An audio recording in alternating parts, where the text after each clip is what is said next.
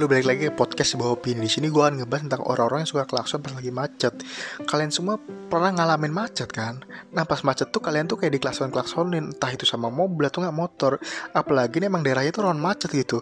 Buset, gue paling benci banget ya sama orang-orang yang kayak gitu tuh dia tuh nggak punya mata apa gimana sih gila loh depan dia nih jelas-jelas diem gitu macet dan dia klaksonin klaksonin emang dengan klakson bikin nggak macet apa enggak coy malah bikin sekitarnya tuh emosi anjing kalau emang nggak pengen kena macet, mending lo jalan kaki aja deh. Misalnya macet nih, lo bisa nyelak-nyelak kan.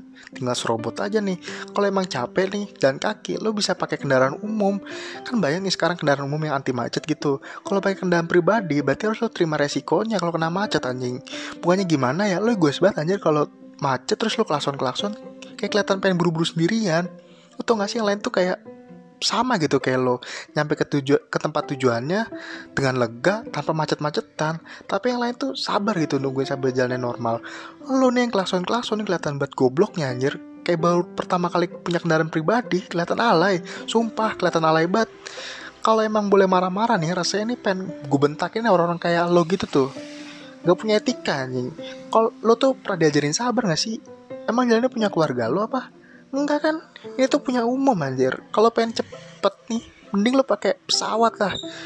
Di udara kan gak macet nih. Nah cocok buat lo yang anti-anti macet tuh. Kalau misalnya kalian masih nemuin orang-orang kayak gini nih, siapin ring tinju aja coy. Sumpah siapin ring tinju. Udah gitu aja dah.